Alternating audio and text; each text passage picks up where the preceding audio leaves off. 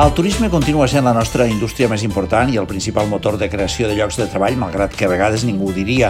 De tota manera, aquesta realitat no ens pot fer renunciar a buscar fonts de riquesa alternatives per diversificar l'economia de la nostra vila.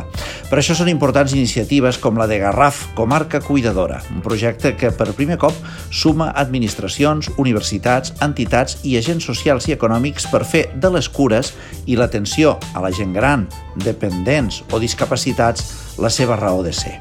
Tenim una població cada cop més envellida, que viu sola i necessita assistència, però també persones amb malalties cròniques, amb necessitat de cures permanents o també moltes persones amb diversos graus de dependència. Això genera nous reptes i la necessària coordinació entre les atencions mèdica, sanitària i sociosanitària. La iniciativa del Consell Comarcal del Garraf posa en línia la Generalitat, la Diputació i els ajuntaments amb el Consorci Sanitari de l'Alt Penedès Garraf de qui depenen els nostres hospitals de referència, com els Camils, l'Institut de la Robòtica per la Dependència i la Fundació Ave Maria de Sitges, l'Agència d'Innovació Pública Neàpolis i la Universitat Politècnica amb seu a Vilanova per innovar i donar servei a totes aquestes necessitats.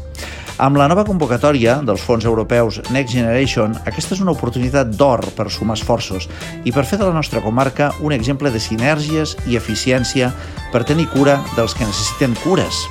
Garraf, comarca cuidadora, pot acabar sent un pla pilot que s'acabi exportant a tot el país i també una font de generació de nova economia, la dedicada a l'atenció i al servei a les persones. Ràdio Maricel, 107.8 FM.